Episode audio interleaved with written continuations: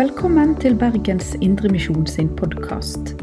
For mer informasjon om oss, besøk oss på betlehem.no, eller finn oss på Facebook og Instagram der som Bergens Indremisjon.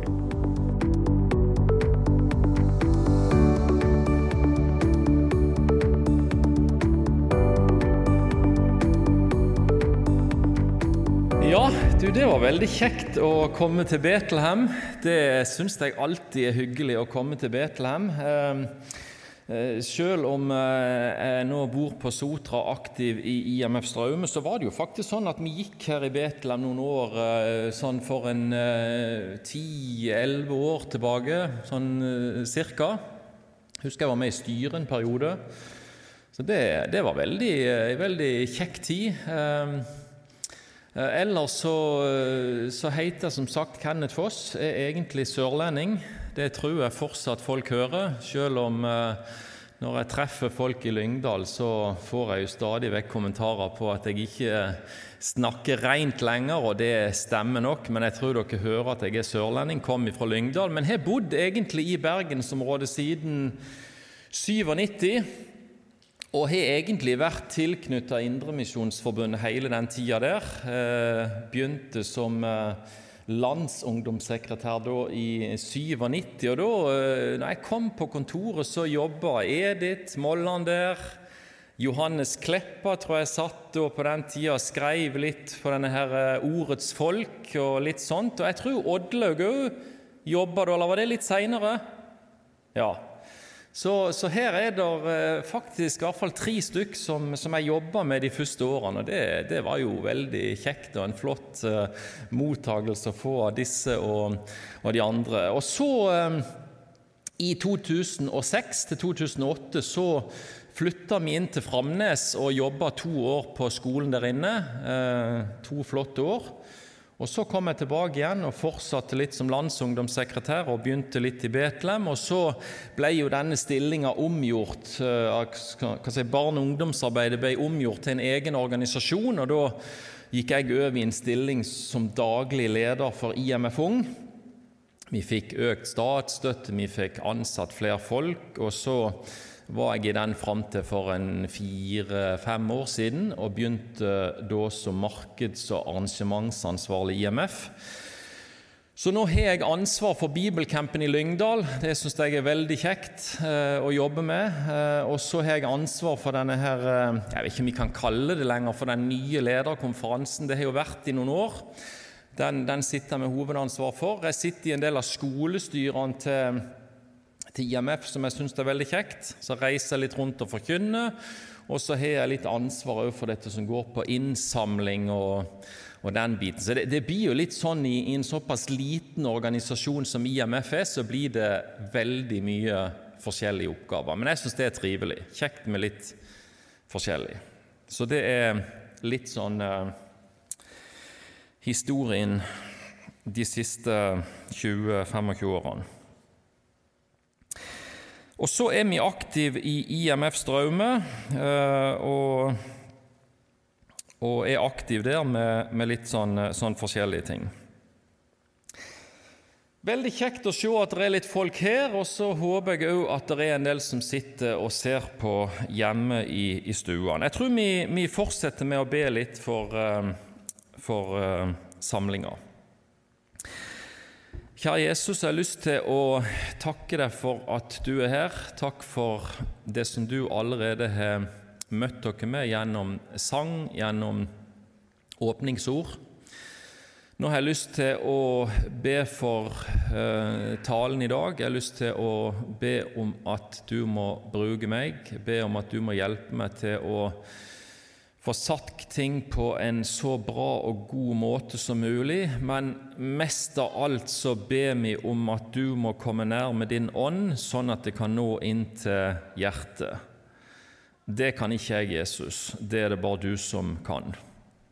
Så ber vi for Bergens Indremisjon. Ber for de som eh, har ansvar både med styre og og, ledelse. Vi ber for alt arbeidet som drives. Vi ber om at arbeidet må lykkes, og vi ber om at ditt rike må gå fram, både i forsamlinga her og i den byen som en er plassert i. Og så ber vi for, for eh, alle de andre plassene i dag der de samles til gudstjeneste, gudstjeneste eller møte, enten fysisk eller digitalt. Vi ber om at din ånd må lyde. Amen. Eh, jeg har rett og slett tenkt at vi skal ta litt tak i søndagens tekst. Eh, jeg vet ikke hvordan det er for dere, om det er sånn at dere er liksom veldig sånn innpoda hva som er søndagens tekst til, til enhver tid, men jeg syns ofte som taler at det er litt sånn litt sånn kjekt med søndagens tekst. For jeg merker av og til at hvis du, hvis du, står helt fritt, så blir det veldig gjerne sånn fokusert på hva en er opptatt med sjøl, og, og, og, det kan være viktig og bra, men jeg syns at det der å bli litt utfordra som taler på, på, på, å få en sånn søndagens tekst, det syns jeg er veldig, veldig, interessant og veldig nyttig og, og veldig sånn spennende. Um, så dagens um, tekst er en ganske kort tekst. Den står i Lukas kapittel 13 og vers 18 18 til og med 21. Vi leser. Så sa han, Hva er Guds rike likt? Og hva skal jeg ligne det med? Det er likt et sennepsfrø som en mann tok og sådde i hagen sin. Det vokste og ble til et tre og himmelens fugler bygde rede i grenene. Og igjen sa han, Hva skal jeg ligne Guds rike med? Det er likt en surdeig som en kvinne tok og skjulte i tre skjepper mel til alt var gjennomsyret. Det er på en måte teksten for i dag. Og så er det jo sånn at jeg syns ofte det er litt sånn kjekt å, å få enda mer sammenheng i, i, disse versene. Så jeg syns det er kjekt å se litt på hva er det som ble tatt fram før, og, og litt sånt. Og det som, det som, er situasjonen noen vers før vi begynner å lese her, det er jo at Jesus har vært og undervist i synagogen på sabbaten. Og etter han er ferdig med å undervise, så er det ei krumbøyd kvinne med en vannmaktsånd, som det står om, kommer til Jesus. Og Det som skjer, det er jo at Jesus setter henne fri fra denne vannmaktsånden. Og så leser vi om at synagogeforstanderen han blir sint. Hvorfor blir han sint? Jo, han blir sint fordi at en sånn type helbredelse av en kvinne kan skje på en sabbat. Fordi at reglene tilsier at det er de andre seks dagene i uka at sånne ting skal skje. Og så svarer Jesus på den måten at akkurat som at husdyreierne gir vann til dyrene på sabbaten, så er det riktig at jeg òg setter denne kvinna i frihet. Og I verset før vi begynte å lese nå, vi begynte jo å lese fra vers 18, i vers 17 så ser vi at noen ble forarga på dette. Og Så leser vi òg om at det var andre som ble glade og jubla og syntes dette var fantastisk. Og Sånn var det jo ofte med Jesus når han levde her på jord. Av og til så kan vi jo få inntrykk av at det er noen som tror at han bare ble tiljubla. Men det var jo sånn gjennom hele tida her på jord. Helt fram til korsfestelsen og etterpå så var det folk som var skeptiske, likte ikke det han holdt på med, mens andre var veldig fornøyde, veldig glad for det som han holdt på med.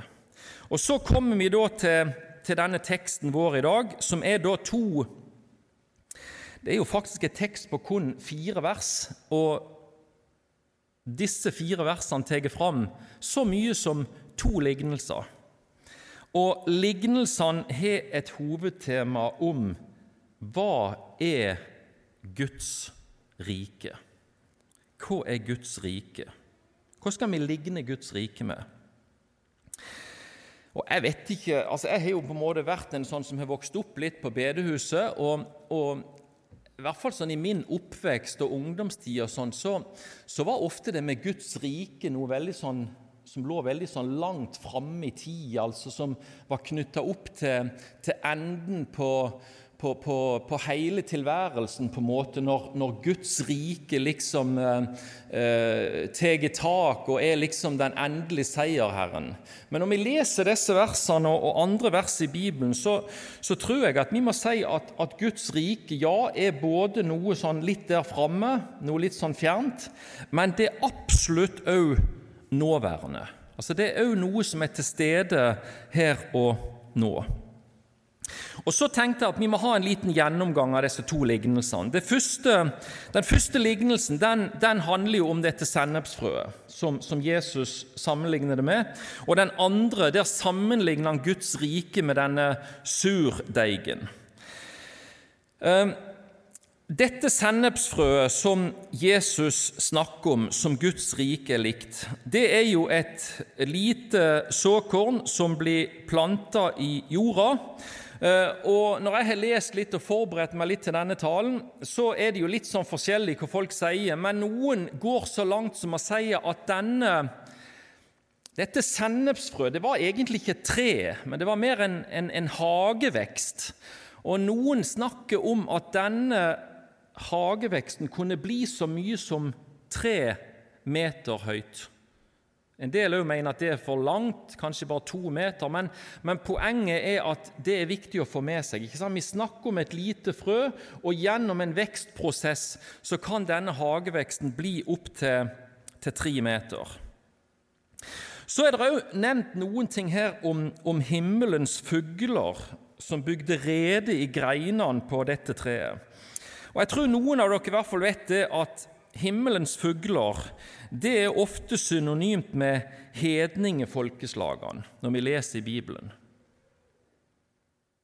Altså himmelens fugler, når det blir omtalt, så er det ofte overført til hedningefolkeslagene. Og Det er jo et veldig sånn sterkt bilde her ikke sant, om at dette treet som, som vokser, det skal på en måte inntas, eller det, det skal suge til seg folk. Hedningefolkene skal liksom bygge rede i dette, i dette treet. Så det er ganske sånn sterk symbolikk. Og Det som Jesus prøver å si, det er at Guds rike starter som noe veldig smått, og så er det en vanvittig kraft i det som bare Gud kan sende, som gjør at det vokser og, og skaper noe. Det er på en måte litt sånn facts om dette verset om sennepsfrøet. Så eh, stiller, spørs, stiller, Jesus spørsmålet på nytt. Hva er Guds rike å ligne med? Og da kommer jo lignelsen om surdeigen.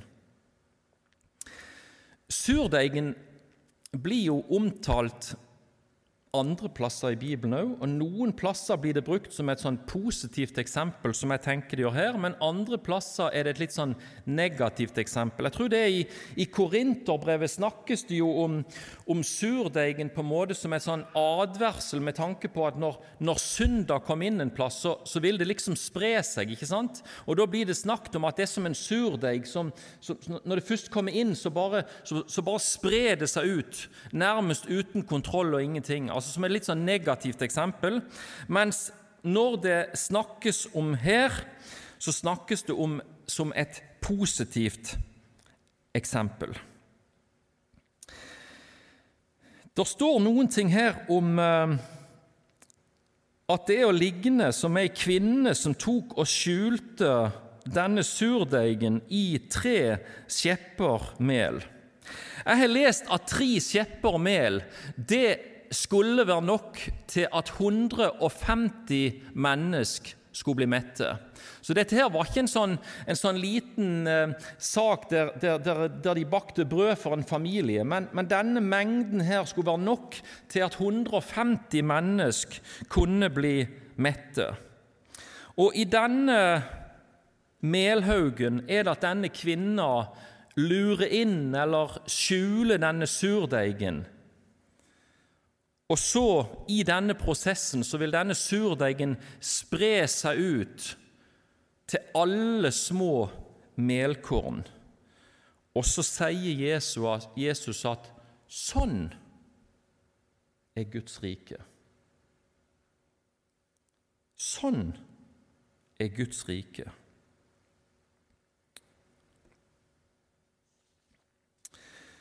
Og Så er jo spørsmålet hva betyr dette for oss i 2021?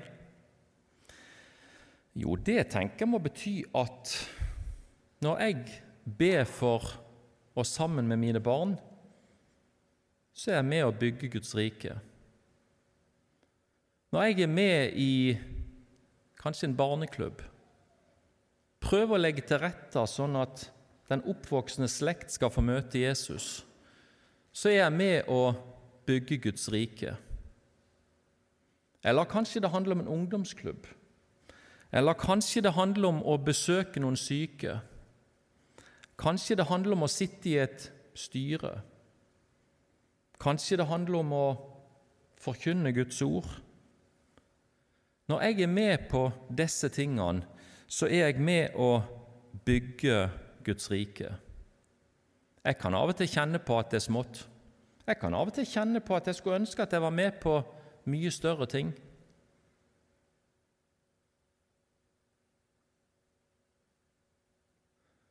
Men det som er viktig for meg å få sagt, og som jeg tror Gud ønsker å si oss gjennom disse lignelsene i dag, det er at det vi er med på, det er noe stort. Vi er med på å bygge Guds rike. Det kan godt være at sennepsfrø, når det ble planta i jorda, tenkte smått. Så etter hvert så var det blitt et tre. Eller denne, denne surdeigen. Og Jeg tipper kanskje at når du ser tilbake på ditt liv, så er det kanskje noen hendelser, noen år, som du kanskje tenker at om ikke det starta der, så var det i hvert fall en slags situasjon som skapte noe. Eller kanskje du tenker på noen barn, noen unge, som du har på en måte kanskje hatt et ansvar for en fase i livet. Kanskje tenkte du at det er håpløst. Det nytter ikke. Det er ingenting som går inn. Og så kan du se at det var starta en vekstprosess som på et eller annet tidspunkt endte opp med ei trygg og sikker tro. Og Jeg vet at det er masse folk i vårt arbeid som gir uttrykk for at det er så smått det jeg holder på med. Det er så lite det jeg holder på med. Og jeg har lyst til å si det er kjempestort, det, det vi er med på. Og jeg tenker at disse lignelsene her forsøker å løfte blikket vårt til å fortelle oss noen ting om hva vi faktisk får lov til å være med på. Vi er med på noe stort. Veldig mye av den tida som Jesus var her på jord, det, det var jo òg ei, ei, ei, tid der han på mange måter forberedte disiplene på den tida som skulle komme når han reiste fra jord. Det, det var på mange måter ei forberedelsestid. Og jeg, jeg har av og til tenkt på at disse lignelsene sikkert òg var sagt litt som trøst til disse disiplene. Tenk det at ei, ei stund hopper oss litt fram i tid, så var det sånn at Jesus reiste fra jord. De var latt tilbake, disse tolv stykk, og fikk budskapet om å gå ut med evangeliet til jordens ende. Klart de var redde. Klart de var usikre. Klart at de sikkert noen dager, kanskje mange dager, tenkte Hva blir det av dette? De satt kanskje i fengsel. Og jeg ser for meg at de kanskje av og til hvisker litt til hverandre. Du Husker du når Jesus snakket til oss om sennepsfrøet? Eller når han snakket om surdeigen, som ikke vi skjønte nå? nå? Nå er vi der, Peter. Nå er vi der, Johannes. Og så tror jeg at dette her var med oss, og så løfta de opp og så et, et større bilde. Og så er det òg noe som jeg kjenner er en sånn hovedsak i disse lignelsene, det er jo denne sprengkraften som fins i evangeliet, i Guds ord.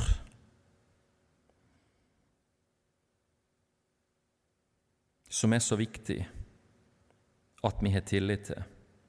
Og jeg tenker litt på, Hvis vi tar litt eksempler fra vårt eget arbeid Når jeg snakker med folk i forhold til Betlehem, så er det enormt mange som nevner tida på Y-a, som er veldig viktig tid for veldig mange. Sikkert er det jo mange andre ting i Betlehem som har vært viktige for folk, men for mange så er det tydeligvis at Y-a-tida har gjort noe med dem. Og så syns jeg det er flott i dette perspektivet å tenke på at på et eller annet tidspunkt så ble det tatt en avgjørelse i Betlehem, kanskje på et styremøte. Eller at det var en to-tre stykk som bestemte seg for at nå skal vi starte opp YA. Sikkert for en del år tilbake.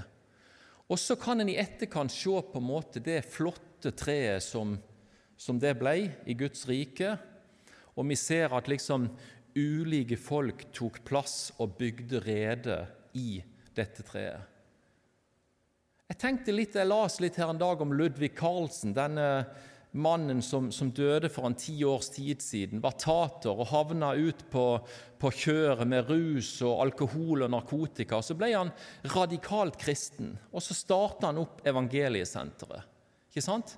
Og tenk på det arbeidet som på et eller annet tidspunkt begynte som et eller annet lite, og så vokste det til tre, og så fikk det enorme konsekvenser for vanvittig mye mennesker. Når det blir sådd, så er det på en måte grunnlaget for at Gud skal starte sin vekstprosess. Og Begge bildene her viser på en måte den der sprengkraften som, som, eh, som det er i dette. Og det, det kan jo jeg kjenne på noe av det, noe av det, det som vi, jeg tenker at vi virkelig mangler i, i Kristen-Norge, eller hva, en skal si i dag, det er på en måte en litt sånn, litt sånn uh, åndelig nedslag. Altså en, en slags åndelig gjennombrudd på ting. Jeg, jeg, kjenner at Når jeg for forbereder meg til en tale, så, så, er det jo ikke noe problem for meg å på en måte ikke sant, forberede det jeg skal si. Jeg setter kanskje opp noen punkt. Jeg bestemmer meg for noen ord jeg vil bruke. Kanskje bestemmer meg for noen bilder jeg vil bruke. Men det er jo ikke det som skaper vekst. Veksten den kommer jo når Guds inngripen, når Guds ånd tar tak. Derfor så ber jeg masse om at det er det som må skje når jeg forkynner. At det er Guds ånd som faller ned og gjør noe med hjertene. Det er jo sånn Når du leser om en del av disse tidligere vekkelsene det er, jo, det er jo noen som har sagt det er litt sånn spøkefullt. Jeg vet ikke om det er sant eller ikke, men det er noen som har sagt det at folk kunne nesten si hva de ville. Folk ble frelst uansett. Altså Det er et veldig sånn godt bilde på det vi snakker om her. Ikke sant? Det handler om den der Guds inngripen. Og det er noe hemmelighetsfullt. Det er noe som er skjult for oss. Og så skulle vi ønske, og så ber vi om at det skulle vært mye mer av det. Men det er det disse lignelsene i dag forsøker å fortelle oss. Og så kunne vi nå i dag selvfølgelig ha begynt masse tid på å satt ord på hva er det som er viktig for at, eh, at en skal oppnå vekst? Vi kunne snakket om de fire b-ene, om Bibel, bønn, brødspritelse osv. Og, og, så og vi kunne sagt noen ting om det som kanskje hindrer vekst. Og Det er sikkert vel og viktig, men av og til så kjenner jeg at vi trenger òg noen sånne lignelser som dette, der det bare blir fokus på ok, vi skal så, og så er det Gud som skal skape ting. Det er Gud som skal skape ting. Det er Han vi setter vår lit til. Det er ingen eh, menneskelige gjerninger som sånn sett skaper vekst. Jeg tror vi kan være med å legge til rette, og jeg tror vi skal jobbe grundig med det og være nøye med det. Men vi må aldri glemme at det er kun Gud som kan skape vekst. Og så Helt til slutt så tenker jeg òg at det er viktig å ta med at og Det vet jeg at det er noen som sikkert taler om i dag og har fokuset på. Det er jo at Jesus på mange måter er dette sennepsfrøet, eller denne surdeigen. Det var det han gjorde på korset når han seira over synda, når han knuste djevelen og døden. Da starta på en måte den kristne misjon, eller, eller, eller hva en skal kalle det for. Og så spredte det seg ut. Så kom det til Norge på et tidspunkt, og så ble jeg nådd av evangeliet på et eller annet tidspunkt. Du ble nådd, og så sitter vi i dag med ansvaret. Men det var egentlig Jesus som var sennepsfrø sånn, som ble lagt i ei grav. Og så ble det skapt ting ut av at Guds sønn gikk i døden for oss. Og Det er jo viktig å på en måte ta med i en sånn eh, tekst som vi snakker om i dag, at det er noe som vi legger oss på minnet.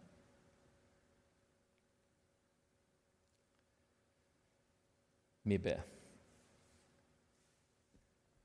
Kjære Jesus, jeg har lyst til å takke deg for ditt ord, og jeg har lyst til å takke deg for disse fire versene som står i Lukas. Og kjære Jesus, du vet det at alt ditt ord prøver å lære oss noe.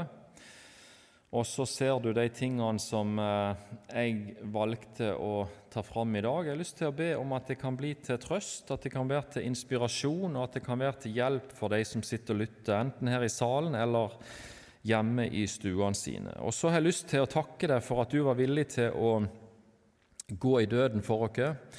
Takk for at du eh, sto opp igjen. Takk for at du sonte for alle våre synder. Det takker vi og priser deg for.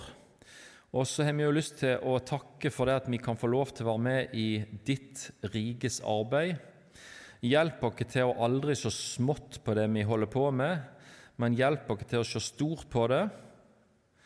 Og så har vi jo lyst til å be på nytt om at du må skape noe i arbeidet vårt. At du må sørge for at nye kan bli vunnet for evangeliet, og vi andre som allerede er tatt imot deg, kan komme nærmere deg, og at ditt rike kan få enda mer plass imellom oss, både i vårt eget liv, i familien vår, i forsamlinga vår, i byen vår, i landet vårt og helt ut til jordens ende. Vi ber om at du må velsigne samværet for oss fortsatt, og vi ber om at du må gi oss en god søndag der vi kan få lov til å leve i din plan med våre liv. Amen. Du har lytta til Bergens Indremisjon sin podkast. For mer informasjon om oss, besøk oss på betlehem.no, eller finn oss på Facebook og Instagram der som Bergens Indremisjon.